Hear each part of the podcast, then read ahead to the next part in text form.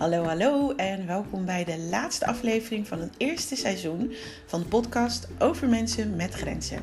Ik ben Angelique de Graaf met een V van Detox Den Haag. En vandaag heb ik eindelijk Mohamed Boularier aan tafel. Yay!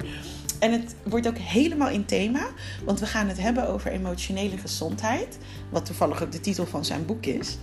En het effect van emoties op het ontstaan van fysieke en mentale klachten. En natuurlijk wat je eraan kan doen. Nou, zoals ik net al zei, Mohammed heeft een boek hierover geschreven met dezelfde titel. Dus de perfecte persoon voor een podcast. En uh, nou, het wordt gewoon super interessant. Luister je mee?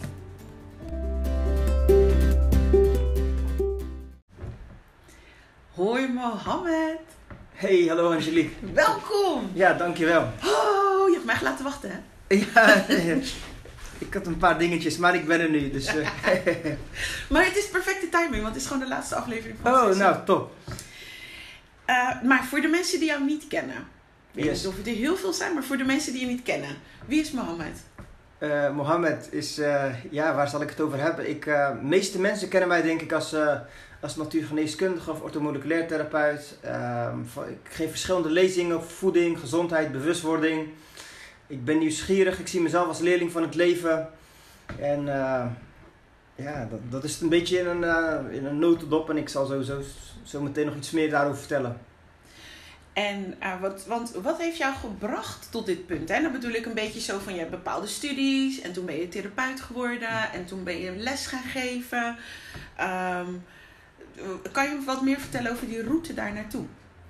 Jazeker. Ik, uh, ik werkte, dat is alweer heel lang geleden. Joh. Dat was in twee, eerst gewoon als uh, management consultant. Dus voor heel veel bedrijven problemen oplossen, eenvoudig gezegd. Kijk, ik zie al een connectie als je dat zegt. Ja, precies, precies. Dus dat was in uh, 2006, 2007, 8 ook nog.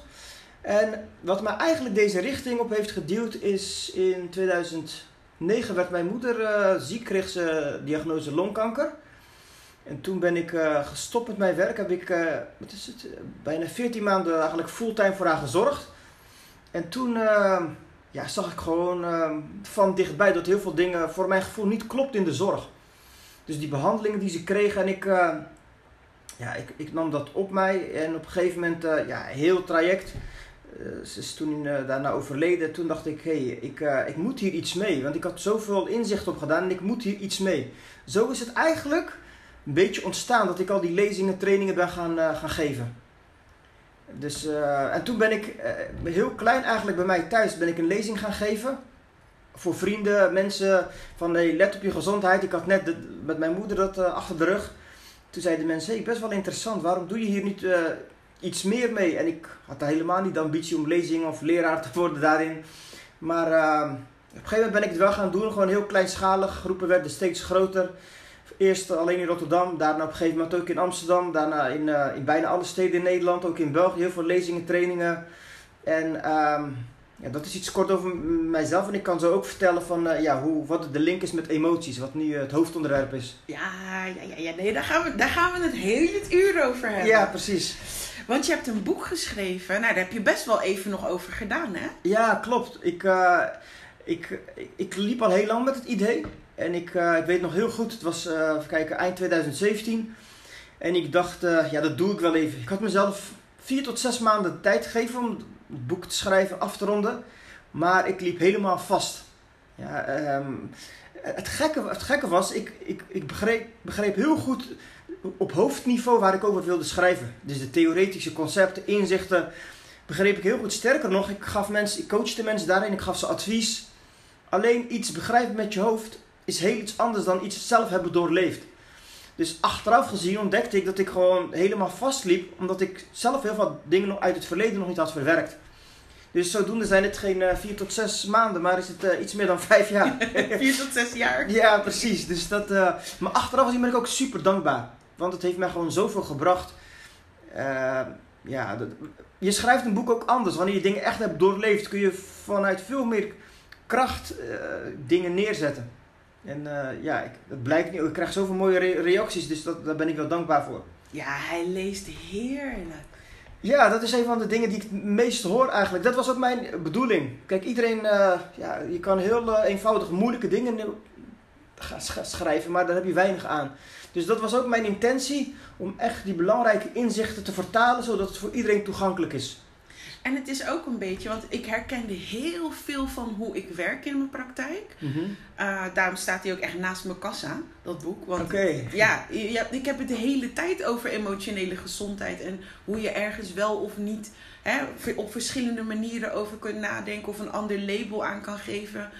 Dus het is bij mij gewoon echt naast mijn pinapparaat staat dat boek. En okay. ja, heel veel mensen, omdat je het zo een hele uur daarover hebt, is het zo van, oh wauw, weet je. Ja, en het ja, ja. is ook een mooie manier om even na te denken. Er staan goede vragen in, goede voorbeelden. Um, je kan een potje huilen. ja, ja, ja, soms is dat ook goed inderdaad, om de release, om te loslaten. Ja, maar het, en, en ook nog uh, op het eind, in hoofdstuk 5 meen ik, ook echt het uh, ortomoleculaire, dus echt het technische deel van hoe je lichaam um, werkt en hoe je dat allemaal kan aanpakken. Ja, precies, inderdaad. Ja, hoofdstuk 4 en 5, ja. Ja, maar je hebt echt die combinatie kunnen maken tussen dit is wat er emotioneel gebeurt, Ja. dit is hoe je met jezelf in gesprek daarover kan gaan, of dit zijn de oefeningen die je daarbij kan pakken, en uh, dit is wat er fysiek met je gebeurt. Ja. Dus is, wat dat betreft is het super waardevol. Ja, zeker, zeker. Ik wilde ook gewoon niet alleen een leesboek van, weet je, le leuk, maar ook een doelboek. Daar, daarmee echt aan de slag gaan. Dus uh, in beide zit waarde. En juist die combinatie heeft voor mij zelf goed gewerkt. En daarom dacht ik ook ja, in het boek om ook allerlei oefeningen, opdrachten, om mensen op weg te helpen. Zodat ze zich niet uh, in het theoretisch verliezen. Weet je wat ik nog genialer vind van dat boek? Ga, dan kan ik het eindelijk tegen je zeggen. Wat ik merkte bij het boek was dat op de een of andere manier, ik weet niet hoe je dat hebt gedaan, pakte ik het telkens op als ik het nodig had. Oké, okay, hoor ik trouwens vaker nu het zegt. Ik hoor dit heel vaak van mensen, dat, uh, ja, grappig. Echt ja. waar, Mo. Als ik, ik weet nog, er was een situatie. Ik zit even te denken wat die situatie nou ook weer was. Maar er was een situatie en ik liep vast. En ineens kreeg ik de behoefte van, ik ga verder lezen in het boek. Ik, heb ook, ik doe ook super lang over dat boek. Niet om, de, om wat, Ja, ja. omdat uh, het zijn gewoon grote letters. En het, weet je, het leest super gemakkelijk. Mhm. Maar ik merk dat ik het boek moet lezen wanneer ik die behoefte voel. En dan denk ik iedere keer van, ja, maar hoe flikt hij dat, joh? Hoe kan het dat ik gewoon precies hier antwoord heb Ja, ja, ja. op de vraag waar ik nu mee loop? Ja, kijk, ik, uh, ik hou me ook heel veel bezig met gewoon bewustzijn, met um, hoog in je energie zitten. En ik, ik let daarbij het boek ook op. Dat je gewoon. Uh, ik weet gewoon als een passage dat heeft een hoge frequentie, klinkt misschien vaag, en de andere heeft een hele lage frequentie. En bij het schrijven van het boek heb ik daar heel veel rekening mee gehouden. Dat er niet, uh, ik hou niet van een boek met heel veel. dat je gewoon aan het vullen bent om een boek te schrijven. Ja. Dus ik heb zoveel geschrapt, al de dingen die alleen vulling waren. Ik wilde alleen voeding.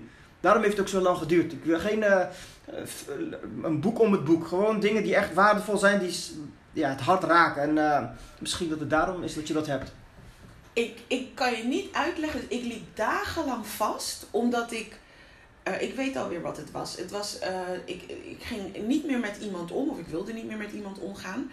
En ik had een beetje niet gewetenswroeging. Mm -hmm. Maar ik liep er gewoon mee vast. Van, hè, wat, wat is dit? En ik wil het niet, maar waarom blijft dit gebeuren?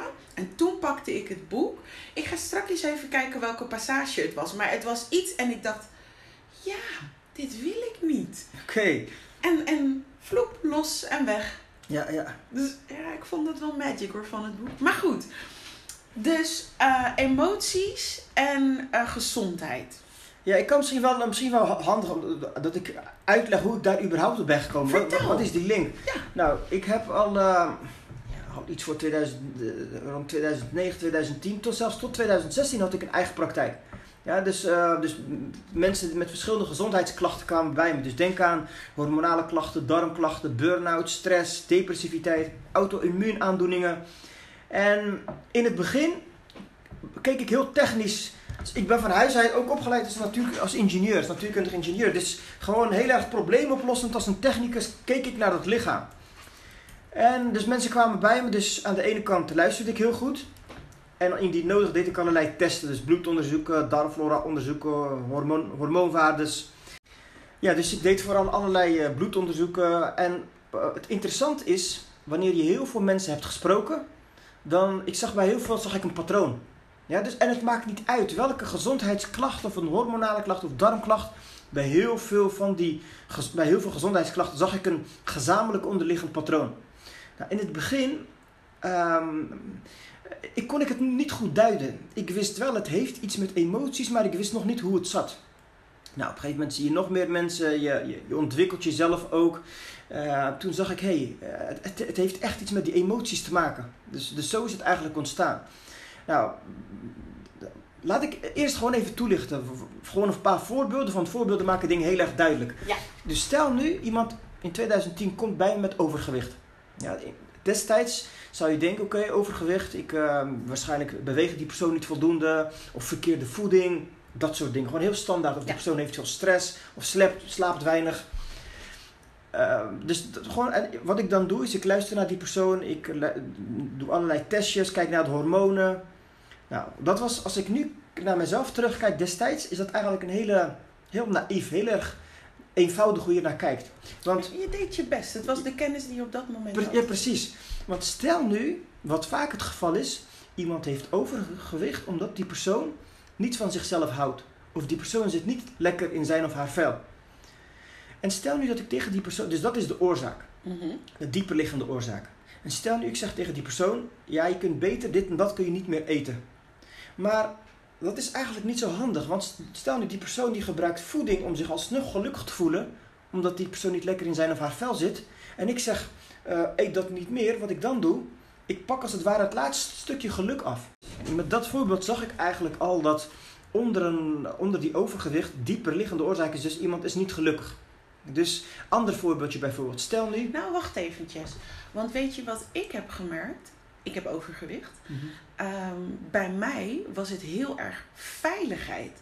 Ik heb die als uh, pijler bij overgewicht um, uh, opgemerkt. Ja, ja het is dus zeker. Niet ongelukkig, maar onveilig.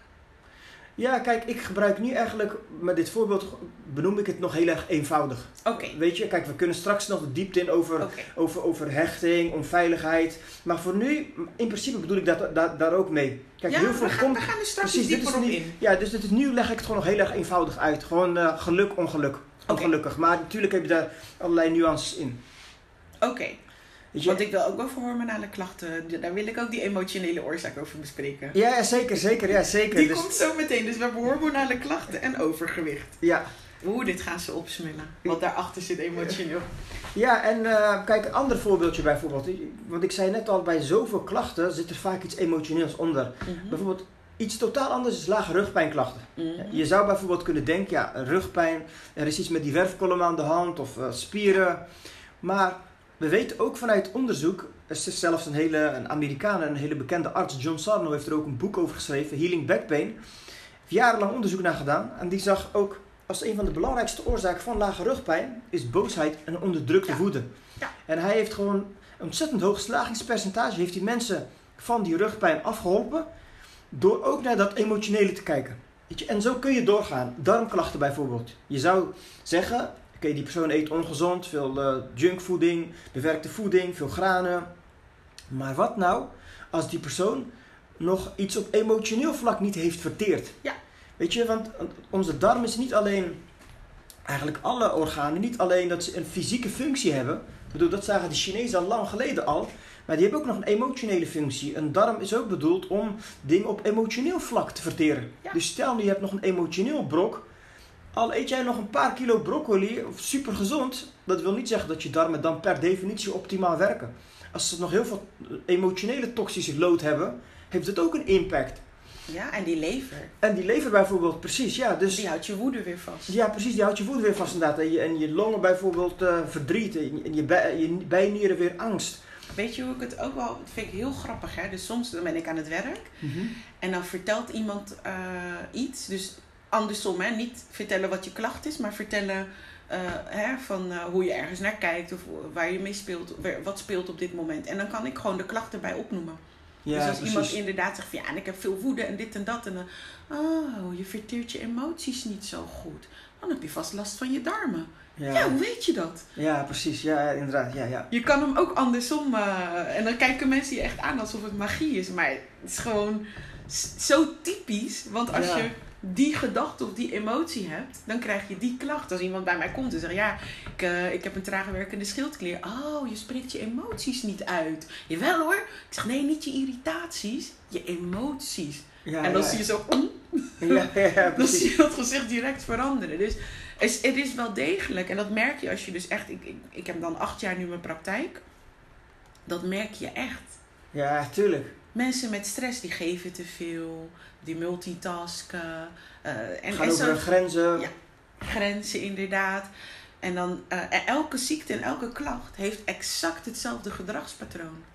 Ja, dat is gewoon wat de, weet je, het mooie is. Dat zeiden de Chinezen al meer dan 5000 jaar geleden. Kijk, en ook een, een klassieke Chinese arts, die kan alleen uit een pols en uit het geluid, uit het gezicht, kan die bijna alles halen. Ja. Die, die zijn daarin zo getraind. En uh, alles tekent zich ook op dat gezicht af. Dus als je daar een oog voor hebt en je hoort ook nog de klachten, ja, dan is het 1 plus 1 is 2. Weet je wat ik een keer heb gedaan? Mm Ik heb, uh, er is een olie, hij is nu jong en fris. En ik had hem heel lang dus niet in mijn webshop gedaan, omdat, oh, om wat ik je nu ga vertellen. Um, en dan had ik, uh, ik wist dat die olie, hè, rimpels en weet ik veel wat allemaal, kan, die, ja, kan je helemaal jong eruit laten zien. Hartstikke mooie, goede olie. Maar als je dat doet, um, dan um, wat er gebeurde was, ik had tien mensen genomen. Mm -hmm. En ze alle tien gewoon die opdracht gegeven van joh, gebruik het op deze manier, gooi het in je nachtcreme enzovoort enzovoort. En een deel van die mensen die uh, maakten dan foto's, elke week foto's, was allemaal een deel van de opdracht en zo. En oh, dit is geweldig, dit is fantastisch en zo, kijk mijn gezicht. Maar de andere helft kwam met tranen en tuiten kwamen ze terug. Want um, wat die rimpel heeft veroorzaakt, wordt, mhm. eh, die rimpel gaat weg, maar die oorzaak komt dus ook weer naar boven. Ja, tuurlijk, het kan inderdaad hoor. Dat is, uh, ja, het is niet alleen voor gezondheidsklachten. Bijna al, heel veel dingen hebben gewoon een iets dieper liggende oorzaak. En we leven in een wereld waarin we alleen kijken naar de symptomen. Maar Twee van die acht zijn ermee gestopt, hè? Twee van de acht zeiden: Dit trek ik niet. Dit, dit, dit trek ik niet. Dit gaat hem niet worden. Die ene was uh, een brandweerman en die zei: van uh, ja, alles zit in mijn laadjes. Ik zeg: ja. Wat is een laadje? Waar, waar heb je het over?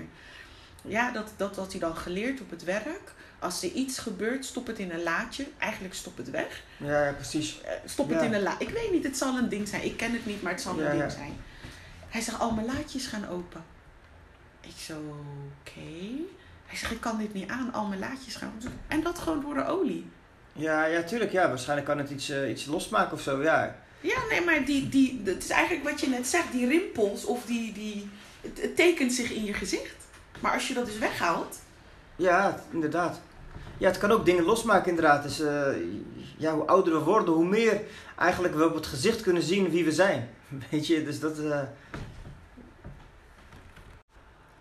Dus zo kwam je er eigenlijk in je praktijk achter um, dat die emoties onderliggend waren. Hè? Want het, je bekeek het heel technisch. Ja, precies. En vanuit dat technische kwam je erachter dat er eigenlijk een andere oorsprong was. En toen? Ja, precies. Dus toen startte eigenlijk ook voor mij een proces. Ik zag dat in de praktijk, maar destijds, uh, ik had er nog niet heel veel kaas van gegeten, dus ik ging het onderzoeken. dus ik ben verschillende opleidingen, cursussen, uh, ook een aantal, ja, aantal jaren lang gewoon heel veel onderzoeken aan het lezen. Om te kijken van oké, wat is dan die link tussen emoties, ziektes. En dan schrik je gewoon. Weet je, dan zie je gewoon hoe gigantisch belangrijk. In wat ik ook in het boek noem, dat noem ik de kritische periode in hoe gigantisch belangrijk de eerste levensjaren zijn.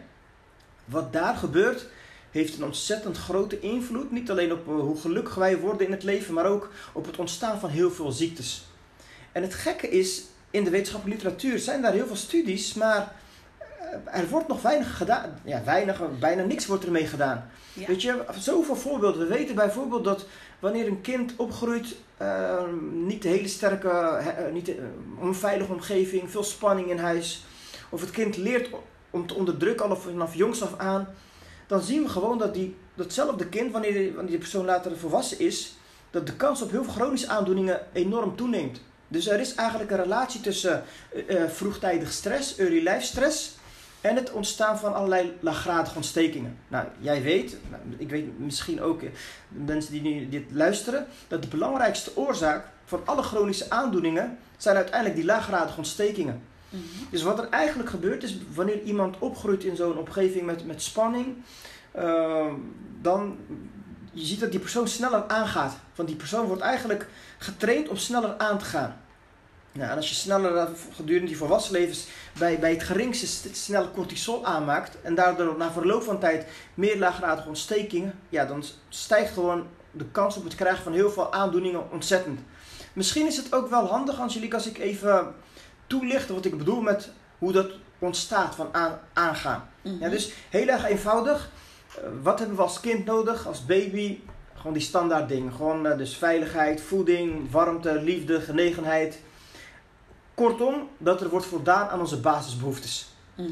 Nou, stel nu, er wordt niet of in mindere mate aan je basisbehoeftes voldaan. Mhm. Ja. Als kind voel je dan pijn. Ja, alleen ehm, als, als je als volwassene pijn voelt, dan heb je verschillende manieren om daarmee om te gaan. Je kan bijvoorbeeld boos zijn, je kan vechten, vluchten, heel veel eh, ja, manieren eigenlijk om daarmee om te gaan. Maar als kind kun je niet eh, schreeuwen, vechten, vluchten. Het enige wat je kunt is onderdrukken.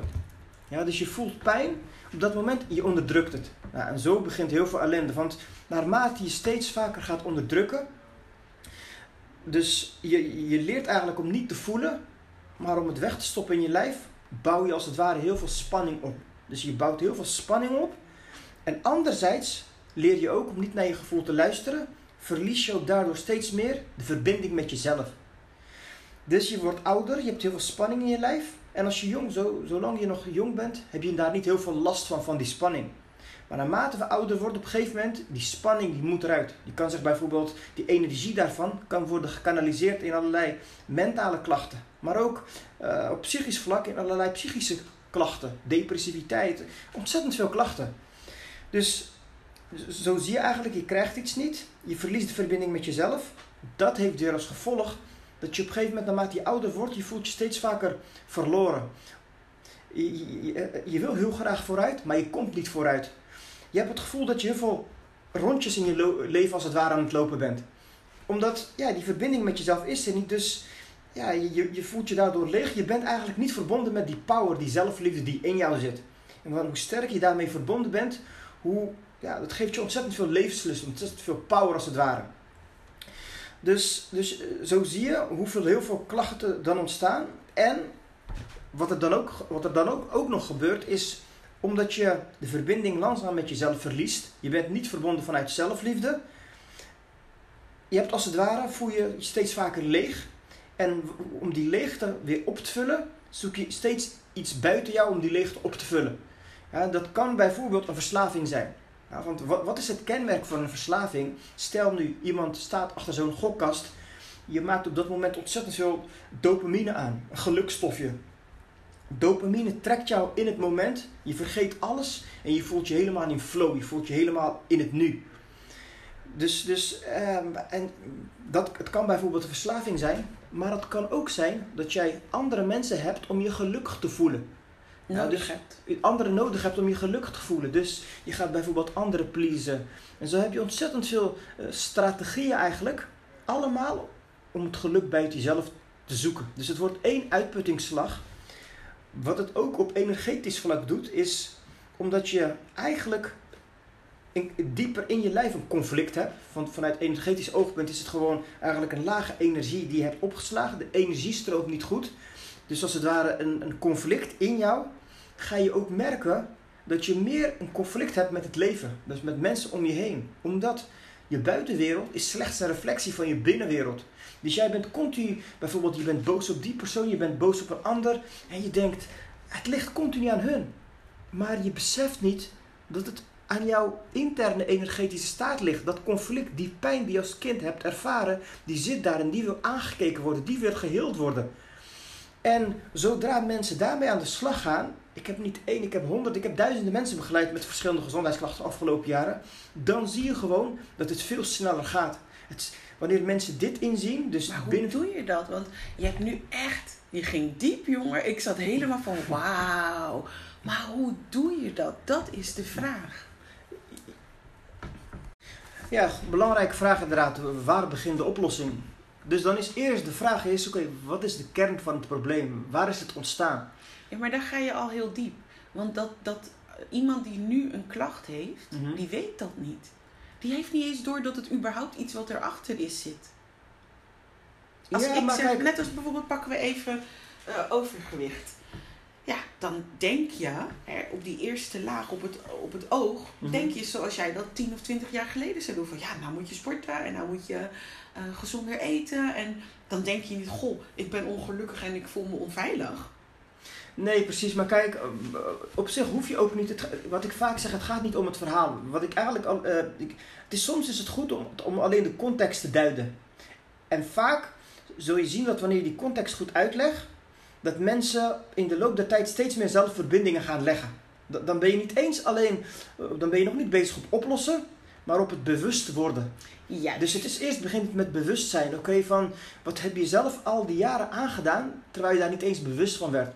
Want een van mijn belangrijkste inzichten is, is dat iedereen heeft onverwerkte emoties. Vroeger dacht ik, er moeten hele zware dingen gebeurd zijn, zware mishandeling of misbruik, hele heftige dingen, willen het de rest van je leven beïnvloeden.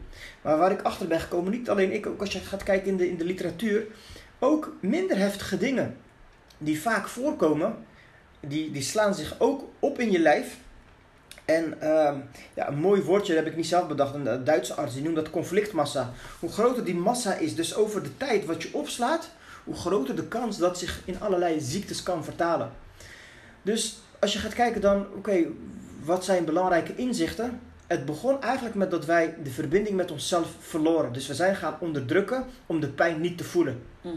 En ehm, eh, het nadeel daarvan is, naarmate wij steeds meer gaan onderdrukken, onderdrukken wij niet alleen pijn, maar onderdrukken ook geluk. Ja, want eh, het, is, het, is niet, het is niet selectief. Als je op een gegeven moment dat een gewoonte is, ga je steeds meer onderdrukken.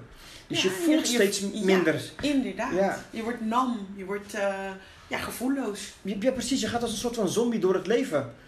En eh, daarin gaan mensen zich ook allerlei, eh, om toch nog als, nog als, het ware te voelen. De ene pakt een fles alcohol, de andere gokverslaving, noem het op. Want wat is in principe een verslaving? Een verslaving is eigenlijk niets anders dan een manier om weer rust te krijgen in je zenuwstelsel. Het is een externe iets, want iemand die achter zo'n gokkast staat, die voelt zich helemaal ontspannen op dat moment. Hij is niet eens verslaafd aan het gokken, maar verslaafd aan dat gevoel wat de gokkast hem geeft. Daar zit een onderscheid tussen. Dus, dus dan, dan, dan is er weer een hele belangrijke is om gewoon bewust te zijn, om jezelf goed te observeren. Wanneer mensen bijvoorbeeld iets doen en je wordt heel erg boos of je komt niet voor jezelf op, dus eigenlijk op je triggers drukken. Juist. Weet je, precies, dus daar bewust van zijn. En vervolgens ga je, ja, dat, ik, ik heb een hele opdracht eigenlijk, eh, ik- een aantal opdrachten. Dus het begint met bewustzijn en dan in stappen, bewust worden van die emotie. En dan jezelf weer te gaan geven wat je als vroeger als kind hebt gemist. Want dat is ook mooi. Het is nooit te laat om jezelf te geven wat je gemist hebt. Dus, eh, en wat je eigenlijk gemist hebt, is, is, is, is gewoon is veiligheid, is ontspanning, is meer van jezelf gaan houden. En ik weet, soms is dat makkelijker gezegd dan gedaan, maar gelukkig help ik de mensen daarbij met heel veel oefeningopdrachten. Maar waar het uiteindelijk op neerkomt, is ehm, gewoon wat ik in het boek noem, heel eenvoudig, gewoon bewust voelen. Ja, regelmatig gedurende de dag, ga gewoon, voel je ergens, waar voel je iets, eh, voel je een bepaalde spanning. In het begin, als ik voor mezelf spreek, ik voelde niks. Dus, maar naarmate je het voelen traint, ga je zien dat er een soort van gelaagdheid in het voelen is. En dat kun je zo goed ontwikkelen, zo goed trainen, dat je het zelfs tot in je botten kunt voelen. Zo diep kunnen wij voelen. En hoe, hoe verfijnder dat voelen is, hoe meer wij kunnen releasen, hoe meer we kunnen loslaten. Dus eh, daar begint, dat is een hele belangrijke eh, onderdeel om het voelen te verder te ontwikkelen. En hoe meer je dat voelen ontwikkelt, hoe meer ontspanning in het lijf komt. Het is alsof je als het ware druk van de ketel afhaalt. En hoe meer druk van de ketel, hoe meer helderheid, hoe meer bewustzijn. Want waar ik het nog niet over heb gehad, is dat uiteindelijk alles valt of staat met bewustzijn. Hoe bewuster je bent van je leven, hoe meer je in charge, de leiding hebt over je leven. Maar als er zoveel spanning in je leven is, als zoveel van jouw levensenergie gevangen zit in het onderdrukken van emotie, dan ben je nauwelijks bewust. Want bewustzijn vergt dat je in dit moment overgave hebt aan dit moment dat je heel erg ontspannen bent. Hoe meer ontspannen we zijn, hoe intelligenter we zijn. Hoe meer ontspannen, hoe meer we bewuster in het moment zijn. En als je heel erg bewust bent, dan voel jij heel snel aan wanneer iemand jou tekort doet of wanneer jij jezelf tekort doet. Maar heel veel mensen die, ja, die worden geleefd door de waan van alle dag. Die, die, al, hun, al hun levensenergie, ik zei het net al, die zit gevangen in het onderdrukken, waardoor ze niet bewust zijn, waardoor ze daardoor heel erg vastzitten, niet vooruitkomen, waardoor ze ook op relationeel vlak heel veel conflicten hebben.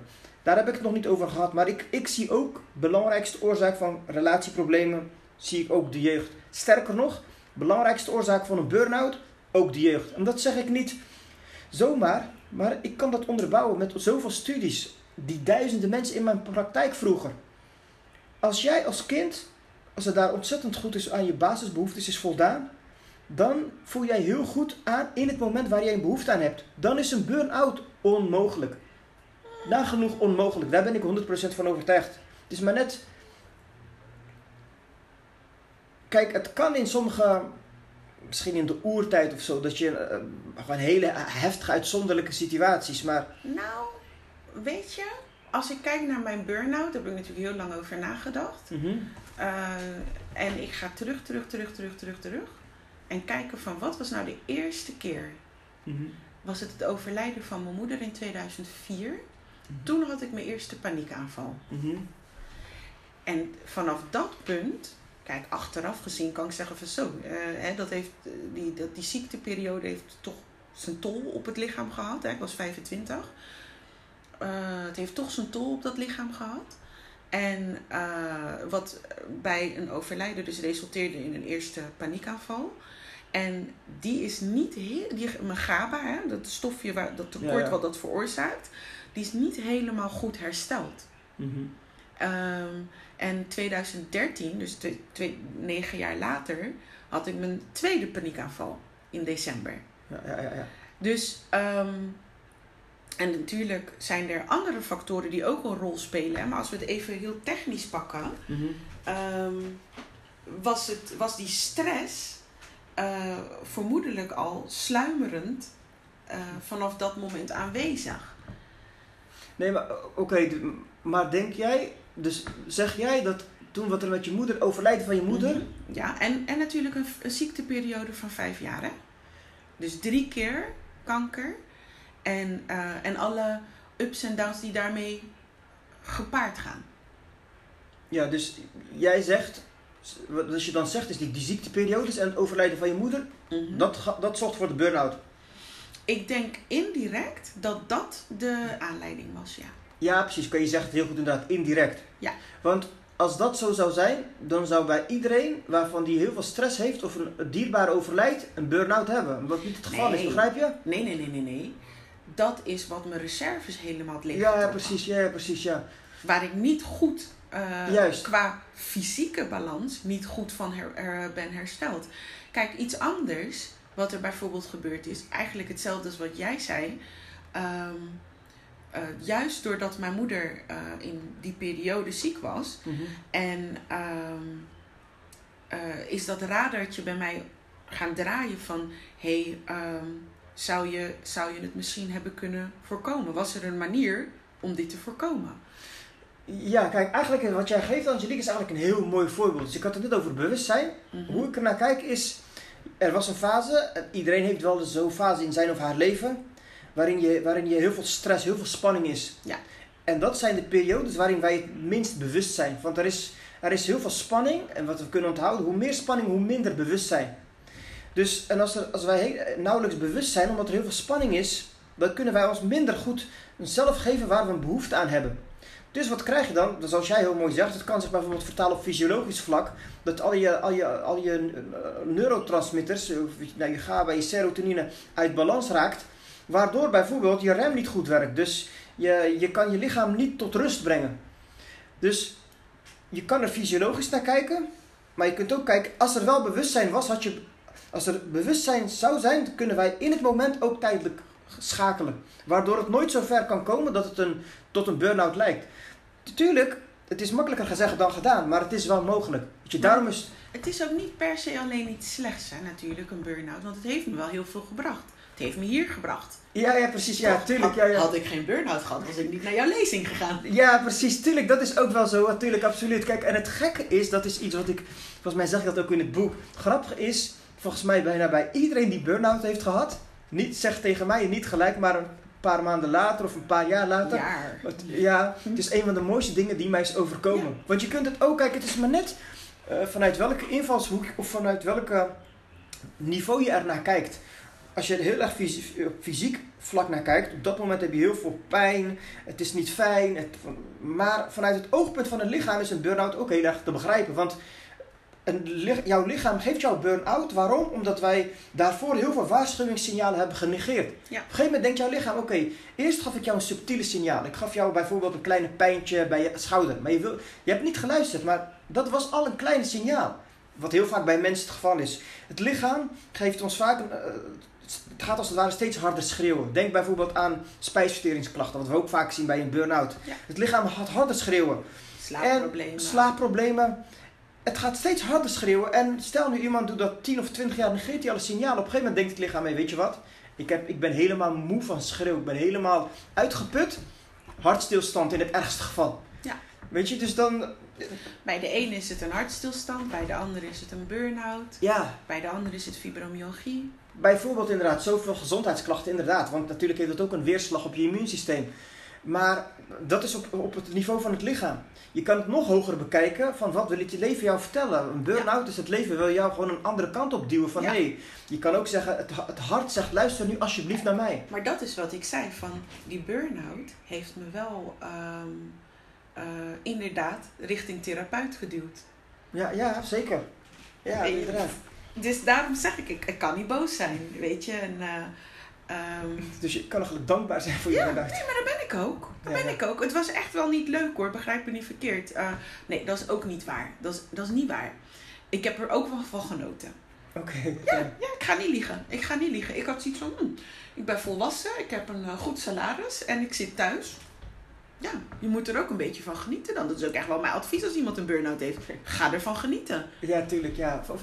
Ja, ga, eigenlijk tot on- ontspanning, tot rust komen. Ja. Als, ja, zeker. Ga ervan genieten. Ik, ik maakte er een hele sport van ontspannen. Ik ging floten en ik ging masseren. En ik, ging, ik, ging vol, ik had een hele lijst bucketlist op. Daar kan ik alles doen wat ik, eh, wat ik wil doen om te ontspannen. Wat je lichaam al die tijd naar verlangde inderdaad, ja. Ja. En nu is dat een part of my life geworden. Dat ik gewoon zeg van, ja, tijd om te ontspannen. Ja, precies. Ja, dat is inderdaad. Heel veel mensen inderdaad nog, die hebben echt een zomervakantie of een vakantie nodig om weer even al de stress van het afgelopen jaar los te laten. Maar eigenlijk moet het automatisch in ons systeem zitten.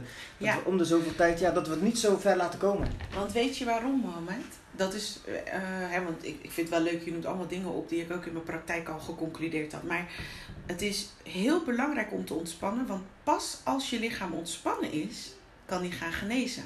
Ja, zeker. En daar vergissen heel veel mensen zich in. Ja. Daarom vertel ik altijd verhalen, ook op, op mijn socials en zo, van, eh joh, het interesseert me echt niet wat er gebeurt. En de consequentie interesseert me ook niet, maar je gaat me echt geen stress geven. Ja, ja, ja. Dat, dat gaat echt niet gebeuren, dat vertik ik. ja. Je, hebt, je hebt het gezien van wat het je heeft gebracht en je wil het nooit zo ver laten komen. Het is het niet waard. Ja. Het is het niet waard om te stressen, want die prijs die je gaat betalen is te hoog. Ja, precies. Kijk, het punt is, je hebt, je hebt de tijd, je hebt kunnen rusten. Maar zolang mensen die tijd niet hebben gehad om e- echt even, even een fase of een paar maanden tot rust Nou, te die komen. dan- consequenties. Ja. Dit, er is nooit geleerd aan ons dat de consequentie van eh, stress het afbreken van je lichaam is. Ja, En misschien als je dat weet, dat je dat dus ook niet meer doet. Dat als er iets gebeurt, dat je een keus kan maken versus getriggerd bent. ja, zeker, zeker inderdaad. Ja, ja, eigenlijk ja. Zou iedereen het moeten weten? Mag ik samenvatten wat jij net hebt verteld? Ja hoor. Ik heb het opgeschreven. Oké. Dus het begint eigenlijk, eh, hè, dus stel je voor dat iemand klachten heeft, zij het fysiek of emotioneel, begint het bij bewustwording. Mhm. Hè, dus überhaupt doorhebben wanneer word je getriggerd en wanneer gebeurt dat. Dus dat is stap 2, is die triggers opmerken. Ja, ja, precies. En dan als kanttekening daarbij, naast natuurlijk jouw boek, wat gewoon heel nuttig is om daarbij te gebruiken. Of de checklist triggers die ik dan in mijn webshop heb. Eh, waarbij je die stappen doorloopt en ziet van wat is een trigger, hoe wordt het gemaakt. Want het is gewoon een pijnlichaam. Het is Ja, een, verzameling pijn die er ineens vloep eventjes naar boven schiet en het even overneemt. Uh, eigenlijk hetzelfde als wat je zei, ja, die onverwerkte pijn. En daar heb ik dan, ik heb het op een andere manier gedaan met de checklist triggers. Maar um, wat ik heel handig vind in dat proces van bewustwording en die triggers opmerken, is een dagboek. Ja, natuurlijk, dat helpt ook de bewustwording. Juist. En dat klinkt helemaal niet leuk en saai, een dagboek. Uh, en, en, maar een dagboek is heel confronterend. Je gaat dat gesprek met jezelf aan. Je kan niet jokken en je kan niet verbergen. En um, zo erachter komen zelf. Hè, natuurlijk kan je ook een coach of een psycholoog of een therapeut inschakelen. Maar uh, de conversatie met jezelf aangaan. Dus de eerste stap bewustwording, de tweede stap die triggers dus opmerken. Waar we dus al wat tools uh, voor hebben gegeven. Hè, een dagboek, het boek van jou, een checklist triggers. En dan de derde stap was eigenlijk het erkennen van het innerlijk kind. Maar ook het liefhebben van het innerlijk kind. Dus het kind geven waar jij eigenlijk behoefte aan hebt en had. Ja, precies. Jezelf geven inderdaad, absoluut. Ik zeg ook vaak gewoon dat je ehm, eigenlijk, je wordt de beste ouder voor jezelf waar je als kind naar verlangde. Weet je, en het mooie is, je kunt als volwassene de beste uh, ouder zijn voor je innerlijk kind. Hoe? Ja, dus hoe is om te beginnen, alles valt of staat met bewustzijn. Mm-hmm. Dus ik, daar begin ik mee. Dus ook, het is de kunst om zoveel mogelijk bewustzijn te brengen in dit moment. Want het leuke is, ons lichaam communiceert continu met ons. Die geeft ons continu signalen. Alleen bij heel veel mensen, ik zei het net ook, is zoveel weggestopt, dus die verbinding is er niet. Dus hoe breng je het? Eigenlijk is de vraag, hoe breng je zoveel mogelijk ontspanning in dit moment? Hoe maak je jouw leven zo ontspannen mogelijk? Want dan kun je continu kun je gelijk terugschakelen waar je een behoefte aan hebt. Dus het is, het is niet zozeer de vraag hoe geef ik het, maar hoe breng ik ontspanning? Van dan geeft jouw lichaam het antwoord op wat het nodig heeft. En het heeft meer ontspanning nodig. Nou, in die ontspanning, daar, dat, ja, heeft zoveel gelaagdheid, zoveel gradaties. En, en ontspanning eigenlijk als levensstijl. Dus niet gaan ontspannen, dat doen de meeste mensen als ze heel erg gestrest zijn of ze heel, heel jaar stress en dan op vakantie gaan. Tuurlijk is dat ook, maar het is mooier als je dat voor kunt zijn. Als je al ontspannen op vakantie gaat, dan heb je nog een mooiere vakantie. Weet je? Nou, dan ga ik het anders doen. Ja. Uh, want ik probeer het heel concreet, hè, van hoe kan je die bewustwording, hoe kan je die trigger, hoe. Um, ik heb een olie, die heet ook Innerlijk Kind. Uh, ik weet niet of je die podcast had gehoord met Anjana um, over, hoe heet die podcast? Ik weet het niet, een paar afleveringen geleden. Um, en die kwam er dus achter dat uh, hè, ze had een gedachte uh, van uh, alles wat er gebeurde, anders ga je dood. Anders ga je dood, anders ga je dood. En ze wist niet waar die gedachte vandaan kwam. En we zaten in die podcast te praten. En toen zei, ze van, uh, toen zei ik van, kom, ik ga je die olie geven. Ik gaf haar die olie. Ze zegt, ik sta op de begrafenis van mijn opa. Ik zeg, oké, okay, hoe oud ben je? Ja, ik ben acht. Ik zeg, oké. Okay. En zo gingen we verder kletsen. En aan het eind zei ik, oh, je was acht en je begreep niet waarom je opa overleden was.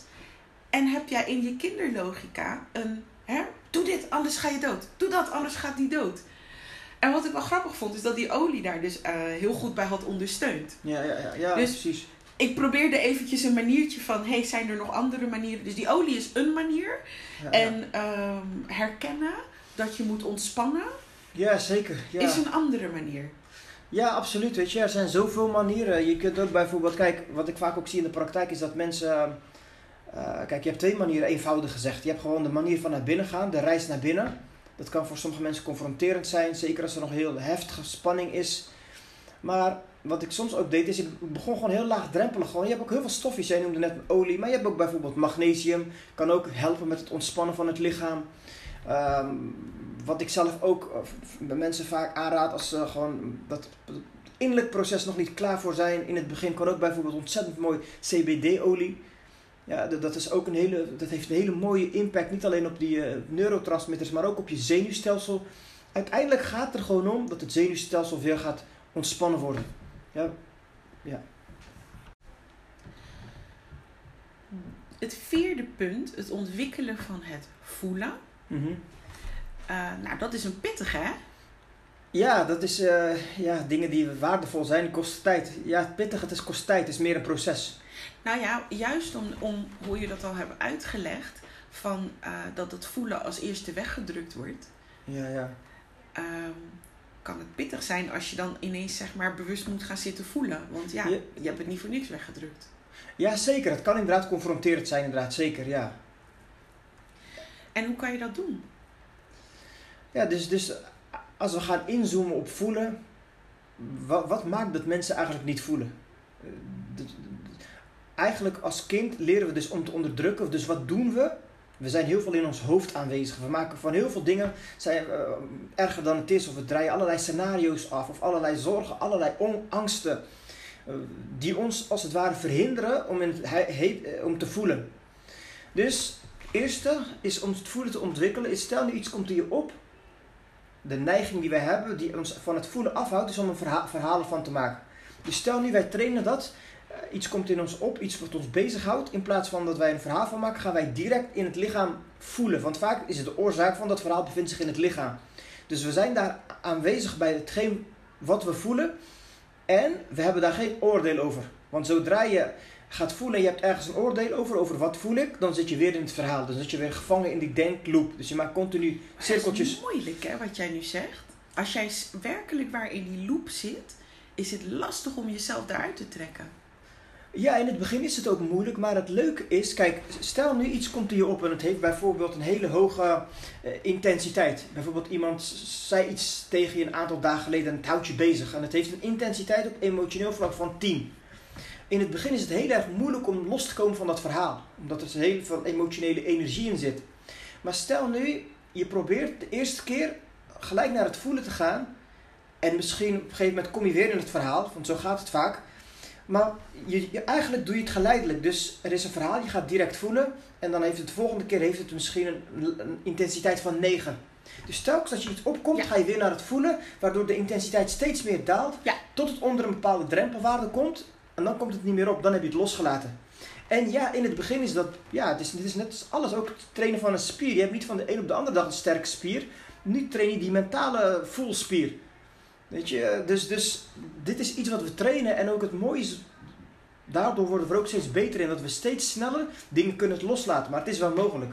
Maar verwacht niet dat je het in één keer eh door hebt. Ja. Ja, ik wil inderdaad wel benadrukken dat het. En misschien heb je geluk, hè? misschien lukt het iemand wel gewoon heel goed om direct van eh, niet voelen naar voelen te gaan. Maar het kan best een proces zijn. ja, absoluut. En het is ook een mooi proces. Het hoeft ook niet gehaast. Weet je, dit zijn dingen die Ja. er jarenlang zitten. Waarom dat gehaastheid? Weet je, het is juist, je kan ook genieten van het proces. Dat je je steeds bewuster wordt hoe je zelf al die jaren tekort hebt gedaan. En je, je, je ziet je leven voor je. Hoe je ook nu kunt gaan leven vanuit veel meer ontspanning, veel meer helderheid, veel meer overvloed, veel meer dankbaarheid. Dus zo kun je er ook naar kijken. Dan maak je het voor jezelf gewoon wat lichter. Maar ik ga wel eerlijk zijn, als je in die situatie zit, dan voelt dit als mijlenver. Dan voelt dit als, als kilometers verder weg. En dan, dan kan ik me voorstellen dat iemand die nu luistert denkt, ja, nou, maar ik vind dit echt niet leuk hoor. Ja, ja. En ja, hoe meer dat aanwezig is, hoe meer, hoe meer je de tijd moet nemen om te voelen. Je moet niks, maar hoe meer dat mag, er mag zijn. En dat snelle net, ja, ook wat je zegt, dat snelle. Snel fixen, snel oplossen. Ik wil er vanaf zijn, ik wil klaar. Ja, maar ja, helaas, sommige dingen. Misschien mensen zijn geweest, weet je, die gaan naar huisarts, een pilletje, maar op emotioneel vlak werkt het niet zo. Maar uiteindelijk werkt het in zijn totaliteit gewoon niet zo. Nee, nee, absoluut. Het, Dingen, het is ja. een proces, het kost tijd en het is een pad dat je zelf gaat bewandelen. ja, het heeft jaren geduurd om dat zich zo in je lichaam vast te zetten. En ik denk niet dat het er in een paar seconden uit is. Nou, op punt 5 hadden we dat ontspannen, maar dat had je bij punt 3 ook al heel goed benadrukt. Waardoor je eh, helderheid ontwikkelt. Ehm, toevallig heb ik daar ook een olie voor, Clarity. Oké. Als het goed is, zit die ook in de webshop. En, ehm, en eindig je in bewustzijn. Ja, alles valt of staat met bewustzijn. Hè, dus op leven in het hier en het nu. Ja, van onze grote vriend Eckhart Tolle, ja. Ja, en dan ehm, bewust op dat moment. eh, weet je dat ik wel merk? Nee, laat me die zin afmaken. Bewust op dat moment ehm, ervaren wat er gebeurt. Hoe bedoel je? Nou, dus, dus dat je inderdaad, als je in het hier en nu bent en er gebeurt iets, niet dat het weggestopt wordt of dat het niet gevoeld wordt of dat er niet gereageerd wordt, maar dat je gewoon op dat moment voelt van hé, hey, dit gebeurt nu en eh, zonder lading erop kan reageren. Ja, zeker, zeker. Dat is heel erg eh, mooi inderdaad als je dat kunt. Kijk, ik kan ook best wel, ik weet niet hoeveel tijd we nog hebben maar als we kijken, we kunnen ook bewustzijn ontleden. Als je gaat kijken wat is bewustzijn, bewustzijn is, is eigenlijk uh, om te beginnen gewaar worden van wat er in je binnenwereld zich afspeelt en je buitenwereld. Dus bewustzijn heeft ook te maken met het richten van je energie. Ja, en hoe meer energie in dit moment in stilte aanwezig is, hoe beter je het een bepaalde kant op kunt richten. Dus bij heel veel mensen is die energie, die is al vast in die onverwerkte emoties. Dus er is weinig energie, dus bewustzijn over. Dus wat ik in het boek heb gedaan, is je hebt verschillende energieblokkades. Dus sommige mensen hebben bijvoorbeeld op emotioneel vlak, dus onverwerkte emoties, een blokkade. Anderen hebben weer ehm, op fysiek vlak een blokkade, dus allerlei ontstekingen. Anderen zitten weer heel veel in het hoofd, een mentale blokkade. En hoe meer je die blokkades oplost, hoe beter de energie stroomt, hoe bewuster je in het moment aanwezig bent. Daarom heb ik in het boek heb ik, werk ik met die energieblokkades. Dat is ook wel een, uh, voor mezelf ook een hele waardevolle. En telkens ga ik weer terug naar die oude Chinezen van meer dan 5000 jaar geleden. Uiteindelijk gaat het erom dat de energie goed stroomt. Dat is, dat is het, het, het, hogere doel uiteindelijk. En bijna alles is daar weer een afgeleide van. Ehm, hoe pak jij dan stress bij de bron aan? Ja, dus als we gaan kijken, als we dat helemaal ontleden, stress, dan, dan, dan zie je, ik heb, ik heb bijvoorbeeld een hele hoofdstuk over geschreven, dan zie je bijvoorbeeld sommige mensen die maken zoveel mee in het leven en het lijkt alsof het hun niks doet. Andere mensen die, die, die, die bij het geringst zijn, zijn helemaal uit balans. Dus ik, toen ik op een gegeven moment die energieblokkades ook voor het boek aan het onderzoeken was, dacht ik, hé, hey, dat inzicht, hoe werkt dat? Nou, uh, hoe, hoe pak je het uiteindelijk aan? Heel eenvoudig gezegd, als we verder inzoomen op stress en dan kijken we naar het brein, dan zien we verschillende hersendelen. Mensen die heel snel gestrest zijn, die zitten heel vaak vast als het ware in dat emotionele brein. Nou, dus je hebt, je hebt die buitenste laag, die, die, die cortex, daaronder zit je het middenste brein, dat emotionele brein. En wat, wat, als je dat gaat onderzoeken, ook vanuit de literatuur, dan zie je dat mensen die uh, heel goed met stress om kunnen gaan, die kunnen heel goed schakelen tussen de verschillende hersendelen. Dus die maken ergens niet zo snel een verhaal van, oftewel, ze verliezen zichzelf niet in het verhaal. Dus willen wij goed met stress om kunnen gaan, dan is het belangrijk dat wij zo snel mogelijk loskomen van het verhaal in ons hoofd. Ja, want het verhaal in ons hoofd, dat geeft de stress. Het is niet zozeer de buitenwereld, maar de betekenis die wij eraan geven. Kortom, het verhaal in ons hoofd. Dus ik heb dat ook opgedeeld. Dus op een gegeven moment, ik heb daar um, opgedeeld in een stappenplan. Eerste is, stel nu, het begint vaak met een gedachte die je stress geeft. In plaats van weer naar dat verhaal te gaan, ga je direct naar de spanning in je lijf. Want door naar de spanning te gaan in je lijf, door dat te voelen, ontlaat je het systeem, ontlaat je lichaam. Dus je ontlaat het, waardoor het als het ware druk van de ketel afkomt, waardoor er meer helderheid, dus meer bewustzijn. En hoe meer bewustzijn, hoe meer je vanuit verschillende invalshoeken naar een probleem kunt kijken. Juist. Begrijp je? En dus het is niet meer zo zwart-wit. En hoe meer spanning, hoe meer zwart-wit je er naar kijkt, hoe meer het vastzet. Die ja. zenuwstelsel zet zich als het ware vast. Dus dat is de eerste stap. Als je dat traint, weer dat voelen, daar begint het mee. Dan heb je de tweede stap. Dan ga je vervolgens kijken naar, oké, welke oplossingen zijn er? Maar dat kun je pas doen als er ontspanning in je hoofd zijn. Dus je hebt in, ons, in, in die cortex, in ons brein, heb je ook het werkgeheugen. En je kunt bepaalde feiten kun je vasthouden.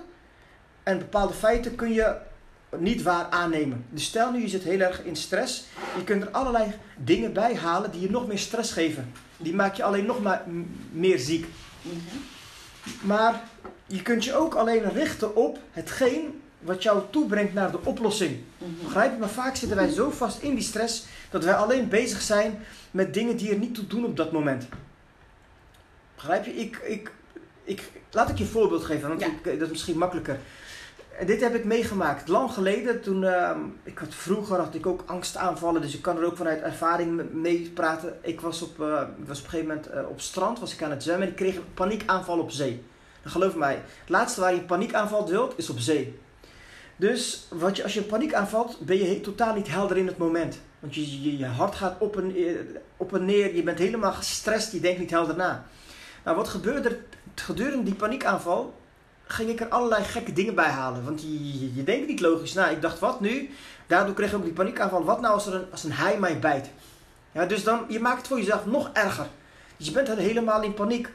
En wat ik zelf deed met die, tijdens die paniekaanval, dacht ik ook. Ik was al op een gegeven moment dat ik zoveel stress. Ik, uh, op zee, ik, uh, ik kon niet meer helder nadenken. En ik, de paniekaanval zorgt ervoor dat al het leven als het ware uit je wordt gezogen. Je, dus wat gebeurde, mijn armen waren verlamd. Dus ik dacht, hé, hey, ik kan nu ook niet meer zwemmen. Dit gaat, de gevaarlijke kant op. Ik was op een gegeven moment zo ver heen dat ik ging nog schreeuwen aan, naar iemand in de kust in de hoop dat iemand mij zou horen. Gebeurde niet. Op een gegeven moment dacht ik zelfs, oké, dit zijn gewoon mijn laatste seconden zijn geslagen. Ik dacht, ik was al zo ver heen dat ik dacht, wie gaat mijn moeder straks het nieuws brengen? Dus, moet, dus waarom vertel ik dit? In het stress kunnen wij heel veel gekke dingen erbij halen die ons totaal niet dienen. Je maakt jezelf alleen nog gekker. Dat is vaak wat er gebeurt. Tijdens stress maken wij onszelf nog gekker. Op een gegeven moment had ik één gedachte die ervoor zorgde dat ik weer aan het uh, eigenlijk heb kunnen overleven. En wat was die gedachte? Dit, is 20 jaar geleden gebeurd, iets 19 nou, jaar geleden om precies te zijn. Ik, ik was destijds was ik marathonloper, dus ik, ik liep heel veel marathons. En ik, ik had heel veel vertrouwen in mijn benen. Want ja, mijn benen konden mij van 40 meer dan 40 kilometer van A naar B brengen. Dus op een gegeven moment dacht ik, hé hey, wacht eens even, mijn armen zijn verlamd. Ik kan niet terugzwemmen. Maar ik heb wel alle vertrouwen in mijn benen, want ik ben een marathonloper. Dus die benen waren een anker voor iets waar ik vertrouwen in, in heb, in had. En ook iets wat mijn kracht gaf. Dus die ene gedachte maakte dat ik op mijn rug ging liggen en terug ben gaan zwemmen naar de kust. Dus als wij inzoomen op stress, ik gaf eerst het voorbeeld, er waren allerlei gekke dingen bij die je niet toedoen. Waardoor we nog minder bewust aanwezig zijn, nog meer zwart-wit gaan denken. Maar het is juist de kunst om dat in het werkgeheugen, in die cortex, dat even on hold te zetten en al je aandacht te richten op wat jou ontspanning geeft. Op waar jij vertrouwen in hebt. En dat was, dat was in dit geval mijn benen. Dat is ook iets wat we continu kunnen trainen. En als jij al heel vaak getraind bent om snel jezelf gek te maken, of je hebt als kind, had je al heel veel onverwerkte emoties, je bent heel vaak aan je lot overgelaten, dan zien we al dat die mensen al in hun brein, die amygdala, dat angstcentrum, is al wat meer ontwikkeld. Dus die, die al heel snel verliezen zichzelf. Maar je kunt het ook de andere kant op, op trainen. Dat, uh, dat is wat ik net uitlegde. Continu eerst spanning uit je systeem, daarna richten op overleving, wat jou ontspanning geeft. Dan heb je al, als je dat traint, heb je eigenlijk al ja, de oorzaak eigenlijk van stress aangepakt. Meer op cognitief niveau en op emotioneel niveau. Dus ik hoop dat het een beetje duidelijk is gekomen. Ja, ja, zeker, zeker, zeker. Ik doe het zelf uh, wat ik doe als ik stress opmerk, um, ik noem het een cirkel. Iemand zei dat het ook iets was wat al bekend was. Voor mij had jij het zelfs tegen me gezegd. Maar wat ik dan doe is, ik ga dingen vanuit andere perspectieven bekijken. Hè, dus ik weet bijvoorbeeld een keertje, was echt een paar jaar geleden, had ik een post. En die was dan viral gegaan. Hmm. En kennelijk, dan krijg je, eh, weet ik veel, dan gaat Facebook extra opletten, weet ik wat allemaal. En uh, in die post had ik dus, volgens mij was, ging het over blauwe kleurstof. En hoe, dat, hoe slecht dat eigenlijk is. en dan, volgens mij heette die post smurf je kind naar het ziekenhuis of zo. Oké, oké. In ieder geval. Uh, dus, dus dan, ja, bij zulke posts zitten er altijd wel een paar mensen tussen die gewoon vervelend gaan doen. En een van die mensen ging vervelend doen. En toen het antwoord niet beviel, uh, gingen ze slechte recensies schrijven. Wat gewoon super naar is. Ja, kinderachtig. Ja, heel, heel naar was dat. En toen, uh, ik raakte daar helemaal gestrest van. En toen, wat ik dan doe in zo'n situatie, dat, dat doe ik eigenlijk al flink wat jaren. Dan ga ik ergens staan.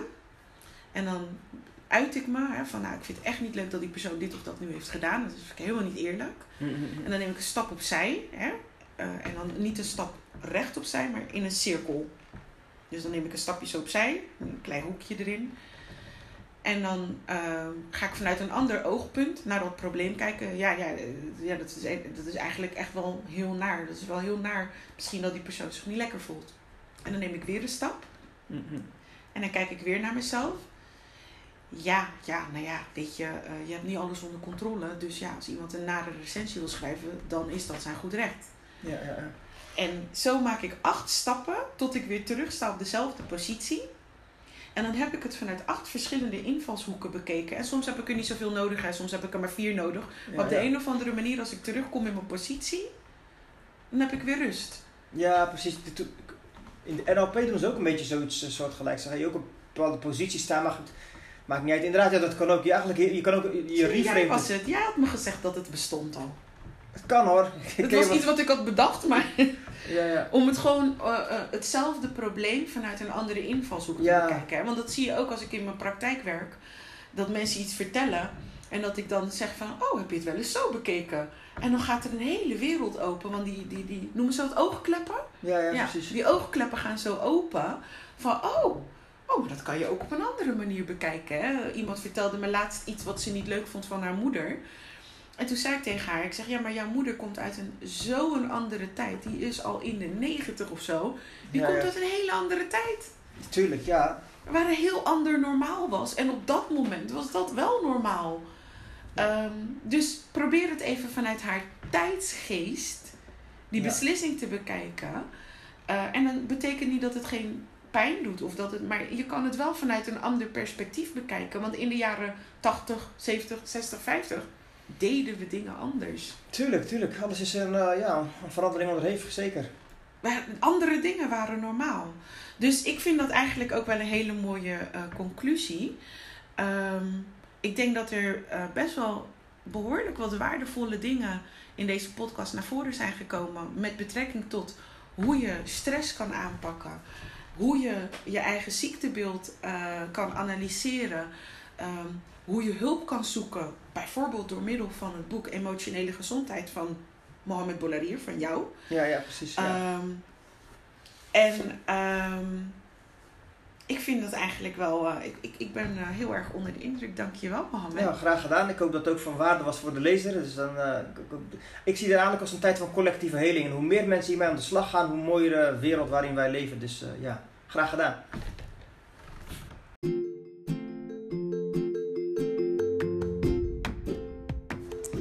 De laatste aflevering van seizoen 1 van de podcast. Wauw.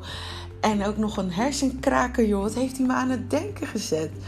En ja, dit was precies wat ik wilde. Zo wilde ik het seizoen ook eindigen. Ik bedoel, kom op, emotionele gezondheid. Dat is toch gewoon helemaal passend bij deze podcast. Ehm, als jij het boek van Mohammed eh, wil bestellen, dat kan via shop.detoxdenhaag.nl of je kan natuurlijk in de winkel langskomen. Die is per 1 augustus eh, open. Jij komt ook langs, Mohammed. Ja, inderdaad. Nieuwe winkels. Ja, een gezondheidswinkel, kom op Ja, zeg. ja, met ja. allemaal natuurproducten. Geweldig. Leiweg 1260 vanaf augustus 2023. Ik weet natuurlijk niet wanneer jij luistert. En ehm, ja, dat was het. Ik zie jullie in het tweede seizoen van eh, de podcast over mensen met grenzen. Ik hoop dat je hebt genoten en ontzettend veel hebt geleerd. En ik zie jullie graag in een volgend seizoen terug. Doei!